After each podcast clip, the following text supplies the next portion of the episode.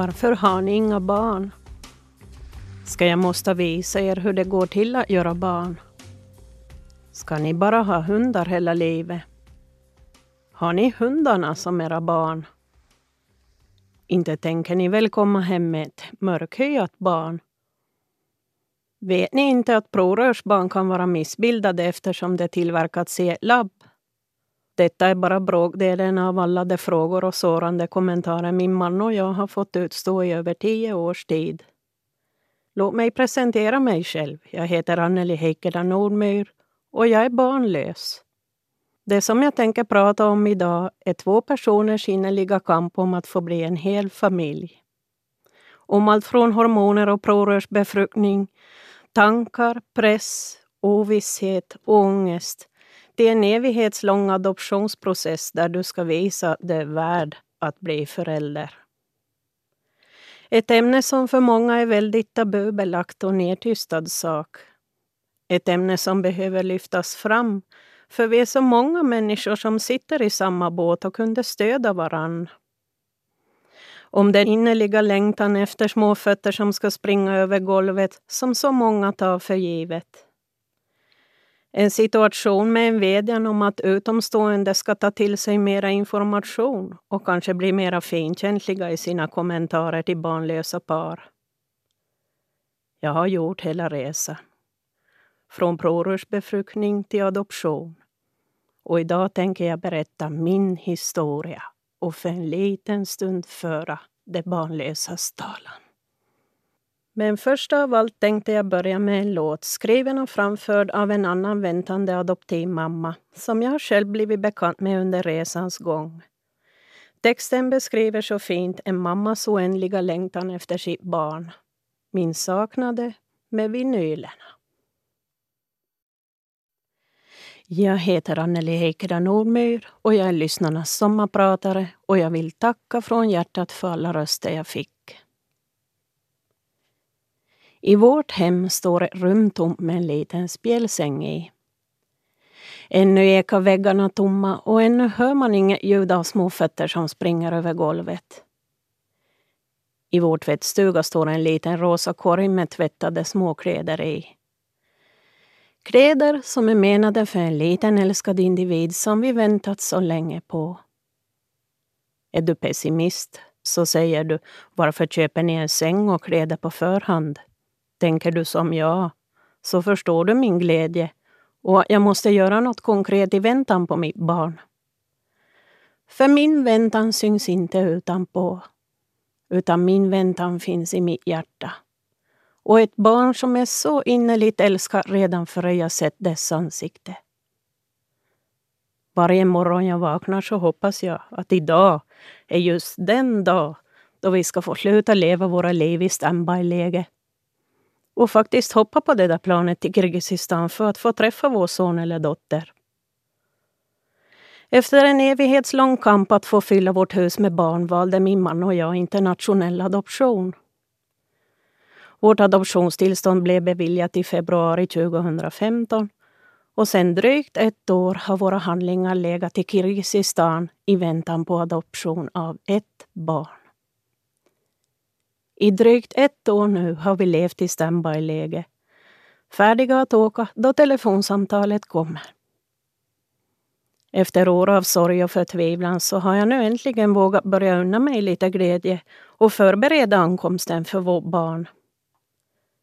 Så förstår du nu varför jag blir sårad när du dämpar min glädje och säger att jag ska inte förbereda så mycket på förhand.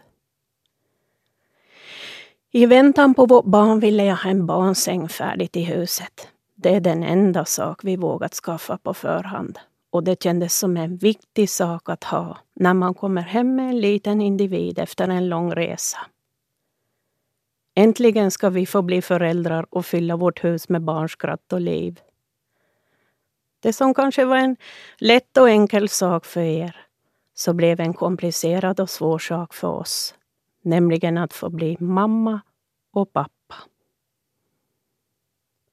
Men före jag berättar vidare vill jag spela låten Empty Room med Sanna Nilsen. Denna låt spelades i kyrkan på vårt bröllop midsommaren 2008. Så älskling, den här är för dig. För oss hade allt sin början precis som för alla andra. Jag hade just flyttat hem från Vasa till mina rötter i Korsnäs fast besluten att leva mitt fortsatta liv i lugnet på landet. Helt oväntat och som en blixt från klar himmel så dök min älskade man upp från ingenstans och kom in i mitt liv som en frisk fläkt. Längtan efter en egen familj och barn fanns med redan från början, speciellt efter att vi förlovat oss år 2001. Jag är själv ensam barn och min man har ett syskon så vi såg det som en naturlig sak att skaffa en stor familj. Och vi brukar skoja och säga vi slutar efter sju barn.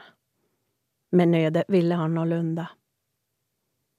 Vi hoppades och hoppades och varje månad släcktes den lilla lågan av hopp ganska snabbt. I vårt innersta började vi sakta förstå att vi inte skulle klara av att få barn utan hjälp. Man hade så många tankar och funderingar över vad som kunde vara fel. I början var det ingenting vi aktivt diskuterade sinsemellan men jag tror att funderingarna och tankarna fanns hos båda två. Hoppet är det sista som lämnar människan och varje gång någon i bekantskapskretsen fick barn blev vi påminda om det som vi inte så intensivt ville ha men inte hade. För varje steg framåt i livet vi tog fanns det alltid någon där som vred om kniven i hjärtat då de gratulerade till en antagen icke-existerande graviditet. Gång på gång blev vi påminda om den sak som för så många flyter så lätt. Och det blev en sån svår sak och sorg för oss. Vi drev ett företag tillsammans som tog upp flera år av våra egna liv och vi jobbade hårt för framtiden och att vårt kommande barn skulle ha en stabil grund att stå på. Vi hann aldrig diskutera ingående med varann under alla de åren och vi skulle vidta åtgärder eller inte. Men vi försökte och försökte. Och vissa månader hade jag en sån ångest varje gång mensen kom. Ibland drog jag ut på att berätta för min man att mensen hade börjat. Bara för att jag inte klarade av att se hans ledsna ansikte och besvikelse. Och jag kände mig så uppgiven och värdelös. Tankarna vandrade ofta iväg i banorna om vem av oss barnlösheten berodde på. Och jag kom ofta på mig själv att rannsaka mitt egna tidigare liv och leverne för att hitta eventuella orsaker. Så många frågor och inga svar. Båda två hoppades vi på mirakel. Och följande låt är en som etsade sig fast i våra sinnen då vi började vår kamp efter barn genom behandlingar. Sussi Tapper med låten Mirakel. Efter vårt bröllop midsommaren 2008 så började vi forska fram mera information om IVF-behandlingar. Vid IVF-behandling, eller det som vi i dagligt tal kallar för provrörsbefruktning, låter man spermien befrukta ägget utanför kroppen. Den vetenskapliga benämningen är in vitro fertilisering, därav förkortningen IVF. Metoden används vid alla former av infertilitet, kvinnlig, manlig och oförklarad ofruktsamhet. Vid IVF stimuleras kvinnan först med hormoner för att få flera ägg att mogna. Äggen tas ut från kvinnans äggstockar genom att läkaren under ledning av ultraljud för in en tunn nål i äggstocken via slidan. Mannens spermaprov prepareras. Rörliga spermier och ägg förs samman i en odlingsskål så att befruktning kan ske. Efter två till sex dagar återförs ett eller två befruktade ägg till livmodern. Dagen då vi första gången tog kontakt med en privatklinik i Åbo minns jag fortfarande som igår. Vi hade beställt tid för ett första besök och vi bara satt och tittade tyst på varann. Båda insåg att nu var det allvar. Nu skulle undersökningar göras och hoppet om att få ett eget biologiskt barn var stort. Jag minns ännu diskussionerna vi hade i bilen ner till Åbo på det första mötet med kliniken. Det här var nu plan A. Och lyckades inte det skulle det bli plan B, adoption. Jag tror min man var inne på adoptionsstart redan från början. Det var nog jag som körde hårdare med att testa att få ett eget biologiskt barn först. Jag ville ha en slags klarhet i om min kropp fungerar som den ska. All information om denna sak hade vi sökt fram för egen maskin och alla kostnader bekostar vi själva. Privatkliniken i Åbo hade en fantastisk personal som tog hand om oss så väl. Efter alla år av besök blev vi nästan som en liten familj. Vi skrattade gott båda två efter första besöket då läkaren sagt att man ska söka hjälp om ingenting händer under det första året. Mm, första året. Ja, visst. För vår del var det ju typ 8 till 9 år. Eftersom denna behandling är mycket centrerad på kvinnan och kvinnans prestationsförmåga så kände jag mig mycket trygg i deras händer. Och jag var glad över att min man aktivt deltog i varje besök och varje process så att vi hela tiden stod bredvid varann som en enad trupp. Vi kastades in i ett virrvarr av piller och sprutor och man räknade menstruationsdagar och allt styrdes med medicinsk hjälp. Vi jagade apotek och mediciner som inte alltid var tillgängliga. Det blev som att springa i ett enormt hamsterhjul. För på samma gång så jobbade vi och låg i för att kunna finansiera dyra mediciner och behandlingar. Sen sades det ju åt oss på kliniken att vi skulle leva så normalt som möjligt. Men det blev ett enda långt stressmoment. Allt vi tjänade ekonomiskt lades i förvar till att klara av dessa behandlingar. Alla jular och födelsedagar kantades av en önskan av ett extra tillskott i kassan. Alltid när jag känner stor frustration så brukar det tyngre artilleriet av musik komma fram.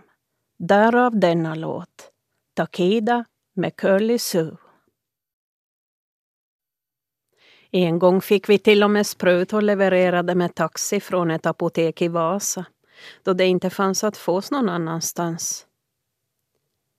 Vi fick informationen på kliniken att FBA ersätter en liten del under tre första försöken, men sen är det stopp.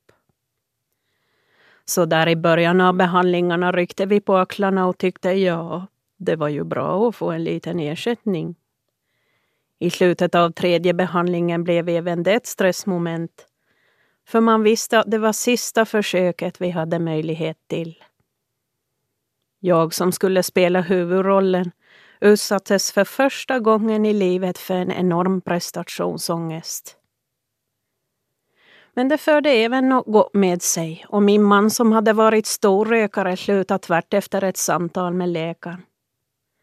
Han brukar säga själv att det klarnade ganska snabbt vilken negativ effekt tobaken har på spermierna. Och kanske just den spermie de kom att välja. Vi började leva våra liv efter en utstakad tidtabell. Speciellt då jag som fick hormonbehandlingar och skulle plockas på äggceller. Den första behandlingen gick bra och jag hade gott mod och jag tyckte det där var ju inte så farligt och inte heller så smärtsamt som jag hade fantiserat. Jag var glad att min mor kunde assistera mig med de svåraste sprutorna i slutskedet på behandlingen. Och ännu idag skrattar vi gott åt synen av hennes trötta ansikte då vi hämtat henne hem till oss. Yrvaken sent på kvällen för att ge den sista sprutan som underlättar äggcellerna att släppa. Det var en knepig rackare. Med stor nål och vätska och pulver som skulle blandas före. Och jag bara vägrade att ge mig den själv. Första försöket misslyckades, men ännu var humöret på topp och vi lade oss snabbast in i försök nummer två. Jag kan gott säga att vi under dessa år av behandlingar lärde oss vägen ner till Åbo väl. Vi kunde varje krök, varje gupp och varje fartkamera. Som mest körde vi tre dagar per vecka ner till Åbo.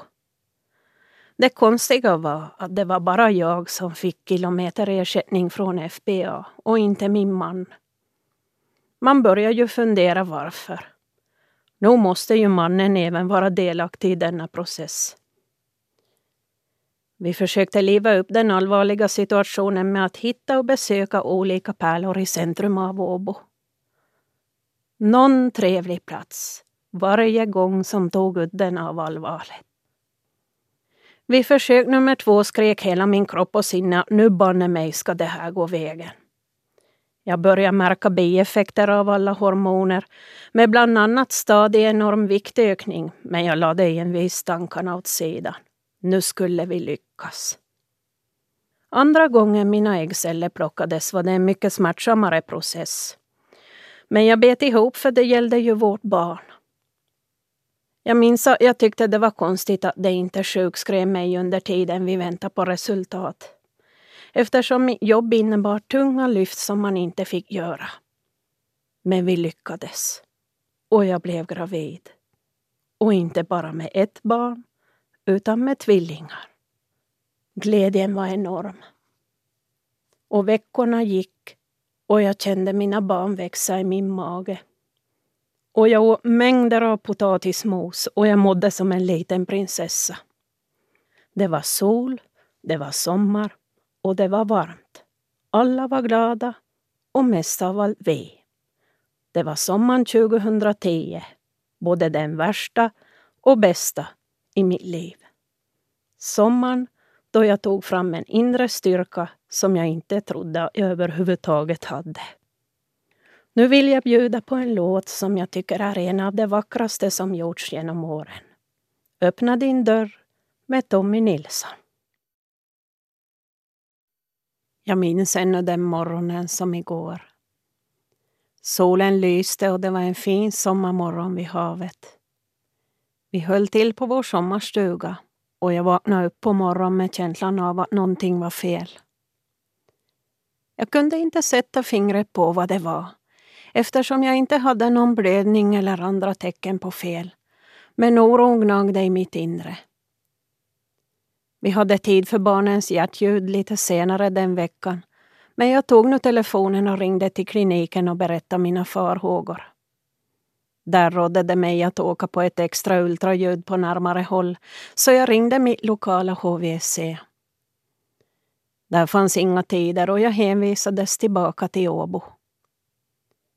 Slutligen blev det så bestämt att vi skulle hålla den tid vi hade några dagar fram eftersom inga tecken på något fel fanns. Men jag visste. Och jag blev irriterad på att ingen förstod min oro. En mamma vet. När jag la mig på britsen i mottagningsrummet hade jag det klart för mig redan innan läkaren bekräftade mina farhågor. Mina barn hade slutat växa och inga hjärtljud fanns. Golvet sjönk under mina fötter.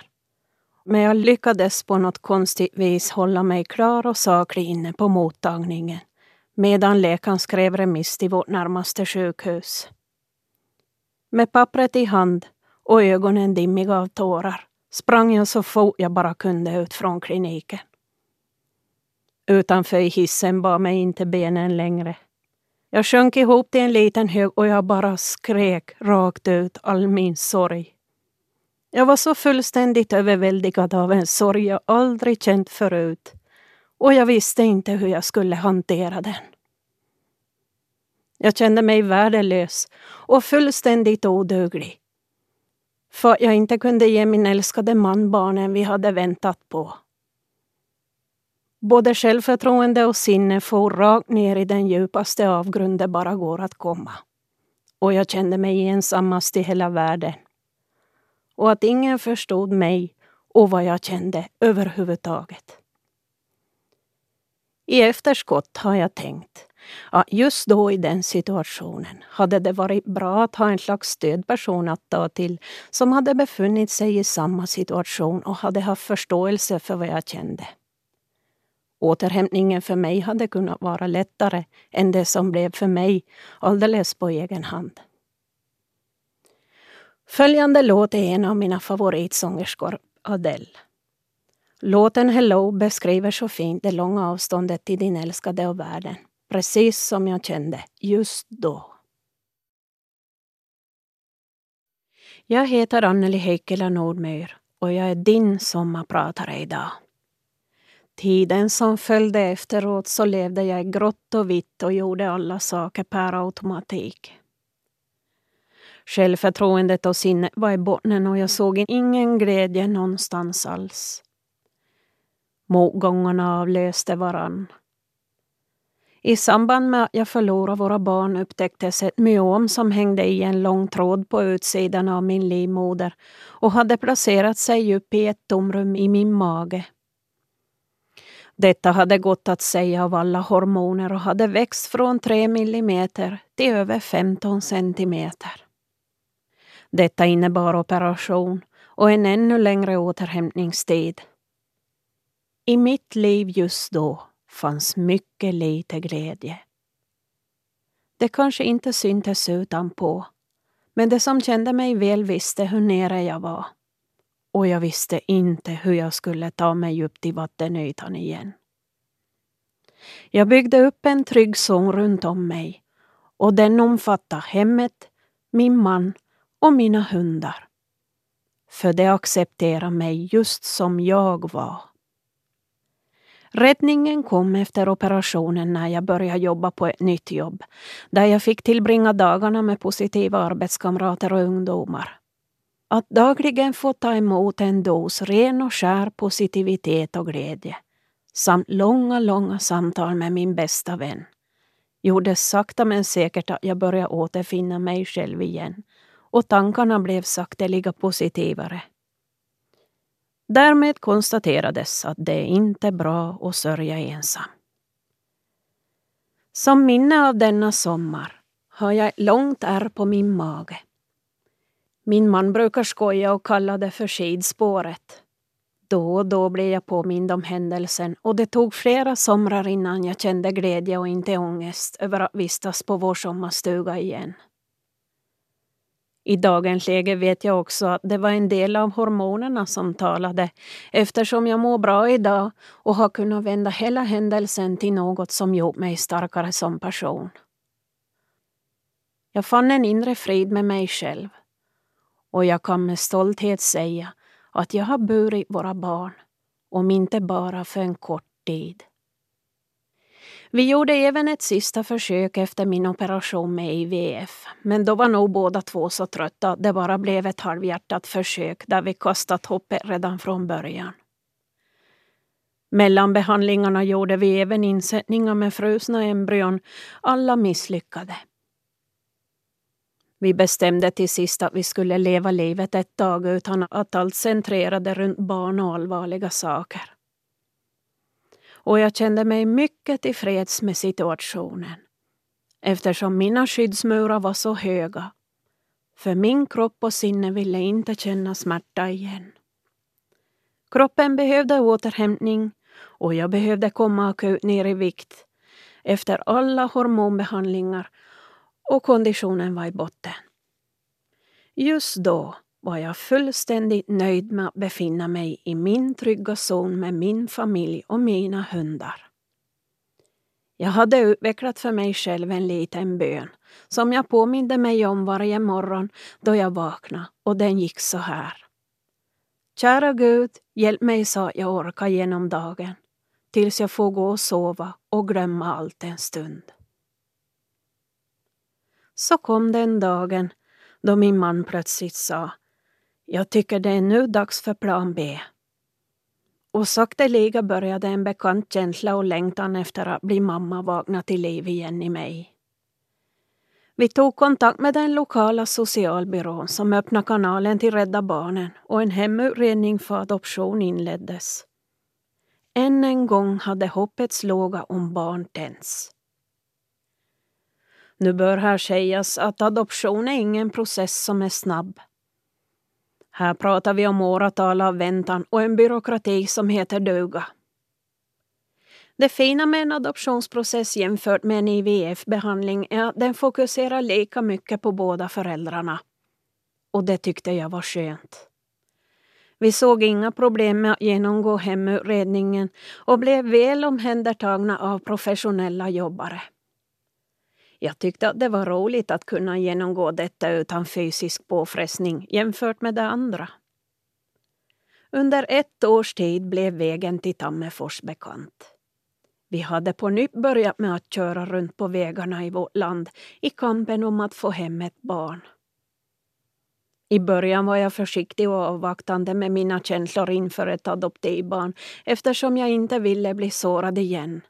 Och jag märkte en viss irritation mot min man som från dag ett levde sig in i denna process med en intensiv glädje. Eftersom processen är lång så landar även jag till slut på rätt plats. Och i denna dag är jag stolt att säga att jag är en blivande adoptivmamma som redan nu innerligt älskar mitt kommande barn. Här finns säkert också åsikter om hur man uppfattar en adoptionsprocess, men vår var enbart positiv. Det som var mest frustrerande tyckte vi var alla långa väntetider, allt köande, allt dokumentsamlande och först och främst att det tar sån lång tid. För vår del hann en nära anhörig gå bort i väntan på sitt barnbarn och det gör mig sorgsen än idag. Adoption fokuserar även hårt på ekonomi och det är långt ifrån en billig process, vilket leder till att många fina människor som vill bli föräldrar aldrig har möjlighet att bli det.